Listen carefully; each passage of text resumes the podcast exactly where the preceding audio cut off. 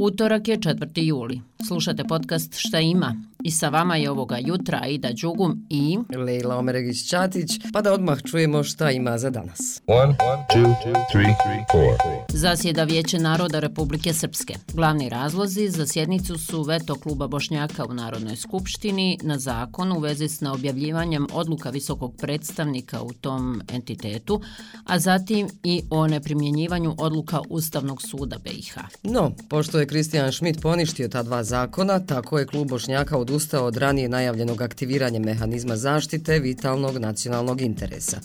Alija Tabaković za šta ima objašnjava. Sve dalje aktivnosti po nama na provođenju ovih e, vezano za ova dva zakona, dakle, predstavljaju e, ulazak u krivično djelo po našem mišljenju i mi ćemo svakako izvijesti i klub, ali i vijeće naroda da mi obustavljamo sve dalje aktivnosti dakle, vezano za ova dva zakona.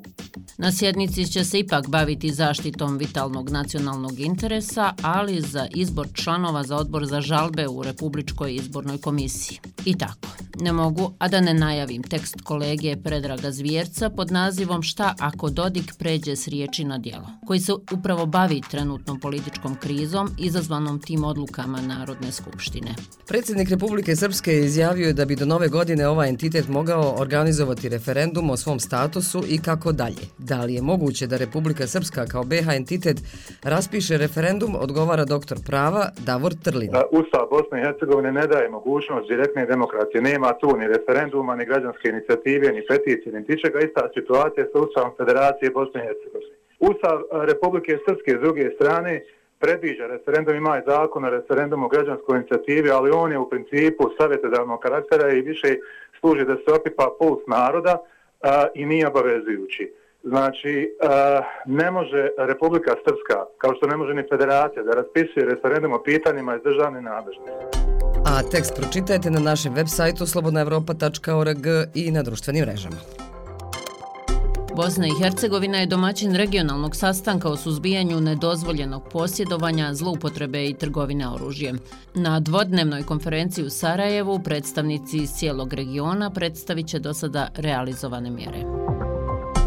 Arhiv Federacije BiH u znak sjećanja na genocid u Srebrenici organizuje u atomskom skloništu na Ciglanama u Sarajevu izložbu pod nazivom Underground, pod zemljom, koja će, pored fotografija, biti upotpunjena i javnosti po prvi put prezentovana sa originalnim ličnim predmetima žrtava te autentičnim audio i video materijalima. Također će u oči obilježavanja 28. godišnjice genocida nad Bošnjacima na Univerzitetu u Sarajevu biti održano predavanje o temi Učiti i svjedočiti genocid u Srebrenici u očima bosansko-hercegovačkih i australskih studenta.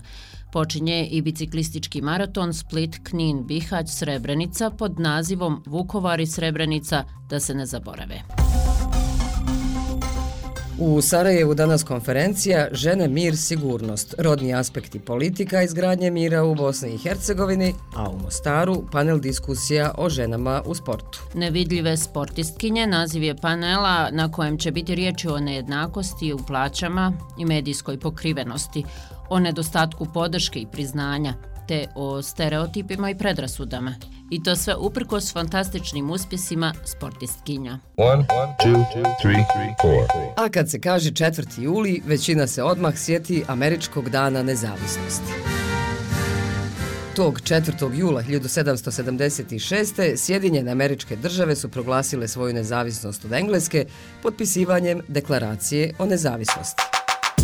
I za kraj ćemo u istoriju džeza, jer na današnji dan 1901. godine rođen je jedan od najvećih, ako ne najveći, džez trubač i džez muzičar. Louis Sačmo Armstrong sasvim je sigurno jedna od najznačajnijih figura u istoriji muzike.